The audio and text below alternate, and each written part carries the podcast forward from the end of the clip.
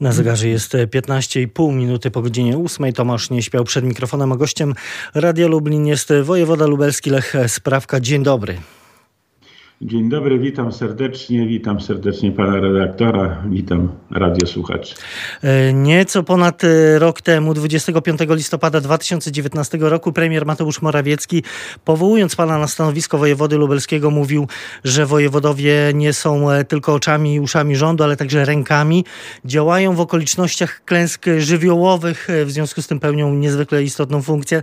No ale chyba nie przypuszczał pan wojewoda, że e, przypadnie panu w udziale zmagać zmagać się właściwie z permanentnym kryzysem e, w tym kończącym się już 2020 e, roku, no bo to były trudne 12 właściwie miesięcy tego roku, no plus ten e, miesiąc z kawałkiem jeszcze ubiegłego roku, właściwie cały czas coś się działo.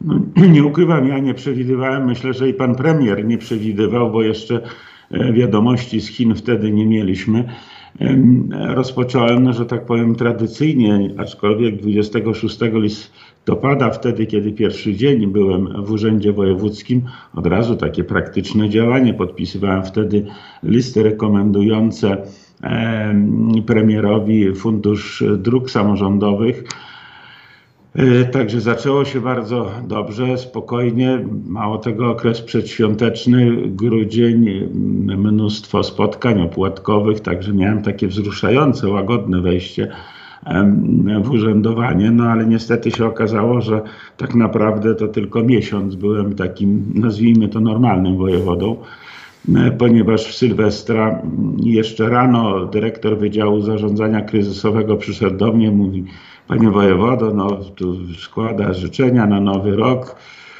Wszystko jest ok, nie ma żadnych złych doniesień. I nagle około wpół do 11 przychodzi i mówi: Panie wojewodo, odwołuję wszystko to, co powiedziałem. Mamy ptasią grypę w gminie Uścimów. O 12 zwołaliśmy posiedzenie zespołu zarządzania kryzysowego. No i rozpoczęło się w nowy rok. Podpisywałem rozporządzenie wojewody o zwalczaniu ptasiej grypy w tej gminie.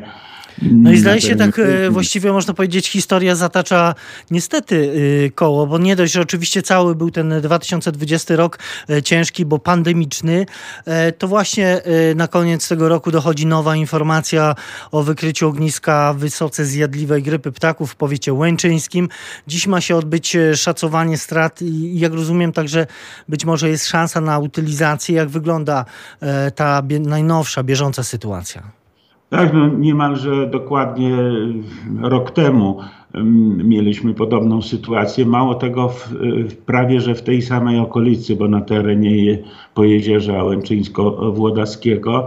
Zresztą ta strefa zapowietrzona, która dzisiaj rozporządzeniem będzie um, określona, ona zahacza nawet od gmin, gminę Uścimów. Także, bo to jest tak w, w pobliżu kilku powiatów. E, także sytuacja się powtarza z tym, że mm, no, skala trudności jest troszeczkę mniejsza, dlatego że tam to była ferma indyków, e, bardzo duże skupisko kurników, e, także tam te straty były znacznie większe. Tutaj dotyczy to praktycznie rzecz biorąc trzech stad i tym razem nie indyków, a kaczek rzeźnych, co niewątpliwie ułatwia utylizację. Mm, e, ta epidemia wybuchła w jednym z e, kurników, gdzie zmarło, e, mm, zginęło no już blisko 10 tysięcy tych kaczek. Dzisiaj w tych dwóch następnych będą przeprowadzona mm, no niestety konieczność utylizacji. Jest szansa na to, że nawet może dzisiaj się to uda. Tak jak pan redaktor wspomniał, rano szacowanie strat Później właśnie już te czynności związane z oczyszczeniem. Od wczoraj już policja e, pilnuje przestrzegania zasad w tym bezpośrednim sąsiedztwie ogniska. Natomiast tak jak wspomniałem, dzisiaj będzie wydane rozporządzenie określające strefę zapowietrzenia, strefę zagrożenia. Także mm, no, te standardowe e, procedury, ale początek roku podobny. No tak się kończy niestety ten, ten rok, ale właściwie cały ten 2020 rok upłynął pod, pod znakiem koronawirusa. To epidemia to był temat numer jeden i w związku z tym też chciałbym zapytać, bo też się pojawiły nowe informacje, zapytać o stan pierwszego pacjenta, który w nocy z poniedziałku na wtorek trafił do e, szpitala tymczasowego w Lublinie. To jest ten, e, ta pierwsza osoba, mężczyzna w średnim wieku. Wiemy, że, że jego stan był, e, kiedy do tego szpitala trafił, no, średni, tak lekarze, ciężki też.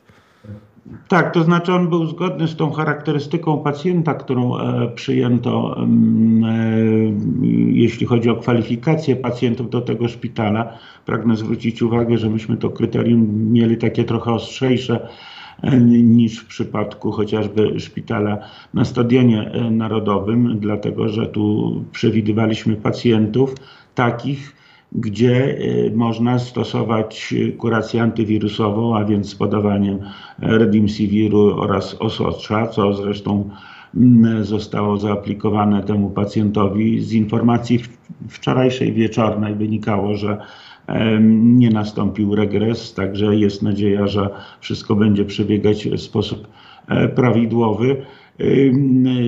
Cieszę się z tego, że w ogóle ten szpital rozpoczął e, działalność, dlatego że już wczorajsze tendencje, które się pojawiły, jeśli chodzi o liczbę osób zakażonych, ale również liczbę osób e, hospitalizowanych, wskazuje na to, że no, szczególnie na początku stycznia, ja przewiduję 8-9 stycznia, gdzie może nastąpić znaczący wzrost. Zresztą myślę, że i dzisiaj. Mówi, mówi, mówi Pan wzrost. o wzroście e, przypadków, czy wzroście także tych e, potencjalnych pacjentów e, w tym szpitalu? Jedno i drugie, dlatego że one ze sobą ściśle się wiążą, dlatego że około 20% populacji osób zakażonych, tych, które mają objawy, wymaga hospitalizacji ba, obserwujemy nawet zjawisko, że tych hospitalizacji powinno być więcej, dlatego że część pacjentów przyjeżdża już e, w zbyt zaawansowanej stadium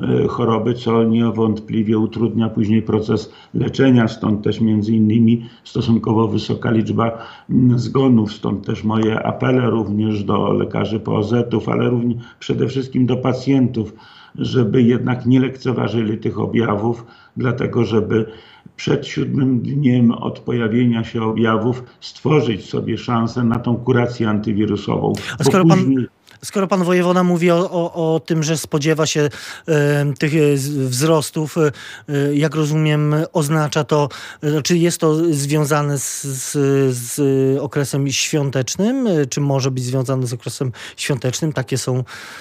To znaczy, tutaj, panie redaktorze, są dwie przyczyny. Po pierwsze, obraz świąt zamazuje rzeczywisty stan epidemii ten stan epidemii, on, proszę zwrócić uwagę, przed świętami, przez E, co najmniej kilkanaście dni, on utrzymywał się na pewnym stałym poziomie. W skali kraju to było około 13-12 tysięcy zakażeń, w naszym przypadku to w granicach 500, niekiedy zdarzało się około 600 e, zakażeń. Natomiast święta spowodowały zamazanie tego obrazu, ale jest to ewidentnie wynik mniejszej liczby skierowań, a w ślad za tym mniejszej liczby badań laboratoryjnych. Podam przykład w dni świąteczne liczba badań laboratoryjnych w naszym województwie to około 150-160, podczas kiedy e, w poniedziałek tych badań mieliśmy już ponad 1100. A w ślad za tym wczoraj w komunikacie mieliśmy 490 osób e, zakażonych. Dzisiaj spodziewam się tej liczby jeszcze większej. Myślę, że i jutro będzie stosunkowo wysoka liczba. Później znowu będzie kilka dni takiego trochę bezruchu, e, takiego większego e, stopnia zmniejszenia tych badań. I kolejny taki dzień prawdy to będzie około 6 grudnia później jednodniowe zachwianie, stąd też mówiąc o 8-9 stycznia, e, to będzie prawdziwy obraz mm, stanu epidemicznego, zarówno uwzględniający ten wysoki poziom mm, zakażeń przed świętami, plus efekt świąt Sylwestra Nowego Roku. I e, wtedy spodziewam się, że te liczby będą wysokie. Wojewoda lubelski Lech Sprawka jest gościem Radia Lublin. Na ciąg dalszy naszej rozmowy zapraszam na radio.lublin.pl i radiowego Facebooka. Słuchaczom radia bardzo dziękujemy. Lech Sprawka, wojewoda lubelski jest nadal gościem Radia Lublin. Rozmawiamy o aktualnej sytuacji epidemicznej w, w regionie. E, to w związku z tym, panie wojewodo, zapytam o, o to, bo w walce z pandemią, no można powiedzieć tak, pojawiła się długo oczekiwana broń, czyli oczywiście mam tutaj na myśli szczepionkę przeciw COVID-19. E, to wiemy, w województwie lubelskim oczywiście już się rozpoczęły pierwsze e, szczepienia. Ma też działać około 500 e, punktów szczepień, ale nie w każdej gminie udało się stworzyć takie miejsce. E, dlaczego? To są naprawdę wyjątki. E, to jest informacja sprzed wczoraj. Tam brakowało w sumie w czterech tylko gminach, z tym, że w kilku przypadkach dotyczy to gmin, w których nie ma nawet gabinetów POZ-u, dlatego że one E, mówię o gminach, które są takimi obważankami w cudzysłowie. Czyli tak, pacjenci korzystają z, z tych przychodni miejskich. Gminy, która jest w centrum. E, także dostępność do szczepień, jeżeli mówimy o mieszkańcach województwa lubelskiego, jest zapewniona praktycznie rzecz biorąc w 100%. Ta akcja szczepień się w tej chwili rozwija po tej pierwszej mniejszej y, ilości, która była dostarczona, teraz te 300 tysięcy, które zostały dostarczone wczoraj, to już y, kolejne szpitale węzłowe wchodzą w akcję szczepień, także ten proces znacznie przyspieszy.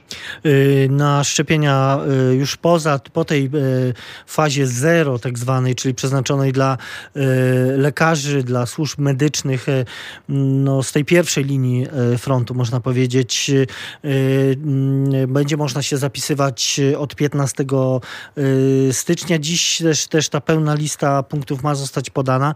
Y, jak będzie wyglądała y, procedura dostania się na takie szczepienie? To znaczy zapisywanie się na szczepienia w aplikacji i później odpowiednie przekierowanie czy do y, szpitala, bo te punkty szczepień będą jak gdyby w dwóch rodzajach e, punktów szczepień, czyli na bazie gabinetów POZ-ów i tutaj będzie większość tych gabinetów, ale również e, w większości szpitali, co e, usprawni cały ten proces, tym bardziej, że warto pamiętać, że po trzech tygodniach po pierwszym szczepieniu jest następne szczepienie. Wydawane są wtedy specjalne certyfikaty i to drugie szczepienie, ono nie musi się mm, powtórzyć w tym samym miejscu. Y, tu już ten system będzie e, koordynacji, także e, więcej szczegółów dotyczących tej organizacji pierwszego etapu szczepienia. Pomijam grupę zerową, która już w tej chwili jest wyszczepiana. Mm, mamy dzisiaj poznać e, w czasie wideokonferencji z ministrem spraw wewnętrznych i administracji. Ja wczoraj powołałem pełnomocnika do spraw szczepień. E, są ci pełnomocnicy w całym kraju. Także na bieżąco będziemy prowadzić zarówno akcję informacyjną, ale również akcję promocyjną zachęcającą wszystkich mieszkańców do szczepienia. No jest to długo No właśnie a propos proces. promocji, panie wojewodo, no to pan już zadeklarował zaszczepienie się w, w tym pierwszym etapie, jeśli to będzie możliwe. Ewentualnie w, w drugim rozumiem, że ta deklaracja jest aktualna. Tak, jak najbardziej jest aktualna. Zresztą ja nie boję się szczepień. Zaszczepiłem się przeciwko grypie, pneumokokom. Także mm, z niecierpliwością czekam na możliwość zaszczepienia się. Czy należy spodziewać się. A mam duże możliwości wyboru, bo kwalifikuję się i do pierwszego, i do drugiego etapu. Myślę, że skorzystam z tego pierwszego etapu, z tego przywileju zaproszenia tych, którzy przekroczyli 65 rok życia. E, czy będzie to e, odbywać się także w, jakiejś, e, w ramach jakiejś solidarności z lubelskimi na przykład VIP-ami, też w ramach jakiejś takiej kampanii zachęcającej mieszkańców do tego, żeby poszli za dobrym przykładem? No, no ma, mamy przykłady w kraju e, byłego i obecnego marszałka e, Senatu, którzy się zaszczepili e, przed kamerami. Było show. Znaczy, na pewno nie będę szczepił się nawzajem, dlatego że nie posiadam takich umiejętności. E, natomiast e, niewątpliwie mm, pomyślimy nad jakimś takim autorskim, ciekawym ciekawą formą zaszczepienia się, która będzie równocześnie formą promocji tych szczepień, tym bardziej, że sceptyków lata się obrodziło. I, i, a myślę, że w naszym województwie jest to stosunkowo duży procent i myślę, że warto jednak ponad jakimikolwiek podziałami politycznymi. Zresztą wczorajsze przykłady szczepień o tym świadczą, że Rzadko Czyli rzadko, można się, się spodziewać jakiejś akcji takiego wspólnego szczepienia, nie wiem, w ramach y, y, wspólnie z, z, marszałkiem, z prezydentem Lublina na przykład? Tak, oczywiście, z tym, że y, ka sytuacja każdej z tych osób jest różnorodna. No, pan prezydent jest mm, ozdrowieńcem, także on chyba musi trochę Jeszcze zaczekać. Trochę natomiast oczywiście, jeżeli, e, tak jak wspomniałem, pomyślimy nad jakąś formą atrakcyjną, e, która, która no, wzbudzi pewne zainteresowanie, a w ślad za tym oddziaływanie na, na, na, na mieszkańców. E, bo wiemy oczywiście, żeby, że, że ta, e, ta promocja e, tych szczepień jest istotna. tylko dodam, że szczegółowe informacje, więcej informacji na temat szczepień na stronie gov.pl ukośnik szczepimy się. Działa też infolinia pod numerem 989. Też informacje można w tej sprawie zdobyć, ale jeszcze chciałem zapytać o jedną rzecz, panie wojewodo, medyczną, bo jak donoszą lubelskie media, znów kolejki kolejki karetek z kolei e, przed szpitalnymi e, oddziałami ratunkowymi się e, pojawiły. Pojawił się też tłok na salach tych wymagających szczególnej szybkiej pomocy. No ale nie chodzi o pacjentów covidowych, tylko tych zwykłych, nie, niezakażonych. Podobno sytuacja jest naprawdę kryzysowa. To znaczy, istotnie jest jak gdyby większy napływ pacjentów niekowidowych, z tym, że on też składa się z dwóch grup, jak gdyby tych osób e, autentycznie niezakażonych, ale również ozdrowieńców, tych, którzy niestety mają powikłania po covid i stąd też ten narastający zapotrzebowanie na świadczenia. My e, już jeden etap odmrażania łóżek niezakaźnych zrealizowaliśmy przed świętami. Dzisiaj o godzinie 10 spotykam się z dyrektorami szpitali na wideokonferencji, w czasie której poinformuję o drugim etapie odmrażania. Mamy już przygotowany plan. Będzie to około 300 kolejnych łóżek do odmrożenia w miesiącu styczniu. Podam jeden przykład, ważny z tego powodu, o którym Pan wspomniał to na przykład szpital wojskowy będzie całkowicie odmrożony. Pozostawiamy tylko i wyłącznie łóżka izolacyjno-obserwacyjne po to właśnie, żeby e, odpowiedzieć na większe potrzeby w zakresie innych chorób. E, panie wojewodo, jeszcze e, trwa, chciałbym, żeby się pan odniósł do tego, trwa narodowa kwarantanna, no ale mamy jakiś kłopot, wydaje się, że komunikacyjny, związany z tym, co ona tak naprawdę oznacza y, to oczywiście y, jakieś tam jest pole do dywagacji dla niedowiarków, przeciwników obostrzeń, szczepień, no i właściwie całego rządu. Po co było ogłaszać e, godzinę policyjną? w sylwestrową noc, a potem się y, z jednej strony wycofywać, potem nie wiadomo e, jak e, interpretować te komunikaty ze strony rządu.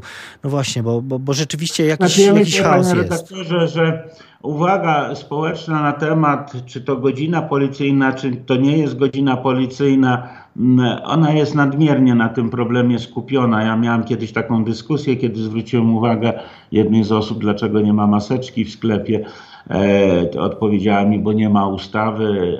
Na, na odpowiedź, że ale jest rozporządzenie, a jego nie interesuje rozporządzenie, jemu jest potrzebna ustawa. Ja mu odpowiedziałem, że jest potrzebny zdrowy rozsądek po prostu zdrowy rozsądek. I nie ukrywam, najlepiej byłoby, gdyby wystarczył tylko apel o to, żeby przestrzegać takich zasad. Natomiast e, ten zapis, który jest w rozporządzeniu e, Rady Ministrów mówiący o ograniczeniach, on opiera się o ustawę o zwalczaniu chorób zakaźnych, mówiących o tym, że można ograniczyć przemieszczanie, sposób przemieszczania się i, z tego zapisu skorzystano. Na, może za dużo było powiedziane w formie określenia tego jako godzina policyjna. Natomiast uważam, że ten zapis jest jak najbardziej, ma podstawę prawną w tej ustawie e, i myślę, że bardziej się należy skupić nad skutkami. Ja myślę, że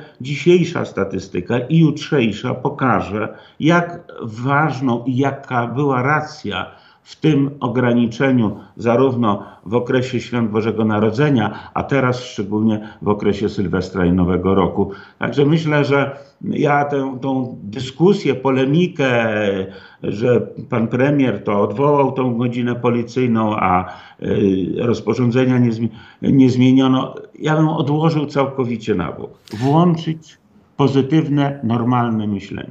Y, o tym pamiętajmy. Y, to już na koniec y, absolutnie trudny rok za Panem, ale te najbliższe tygodnie oczywiście też łatwe się nie zapowiadają. Czego sobie i, właściwie nam wszystkim Pan Wojewoda życzy, życzyłby w tym nowym roku? To znaczy, ja chciałbym przede wszystkim e, podziękować wszystkim tym, którzy e, ten stan kryzysu uznali jako cel naszego wspólnego działania i że to nie były pojedyncze działania, a właśnie wspólne. Mówię o samorządach, mówię o całej służbie zdrowia i, i tak dalej, wszystkich innych podmiotach, służbach mundurowych. I życzyłbym, na rok 2021, żeby to zrozumienie wspólnego celu wszystkim nam towarzyszyło ponad podziałami politycznymi, ponad różnicami światopoglądowymi, dlatego że cel jest wspólny. Wygrać z koronawirusem i wrócić do normalnego funkcjonowania państwa w wymiarze społecznym, gospodarczym, kulturalnym i we wszystkich innych sferach życia zawodowego i osobistego. E, do tych życzeń oczywiście przyłączamy się i e, my. Tymczasem bardzo dziękuję. Wojewoda lubelski Lech Sprawka był gościem e, Radia Lublin. Panie wojewodo, jeszcze raz bardzo dziękuję. Dziękuję bardzo.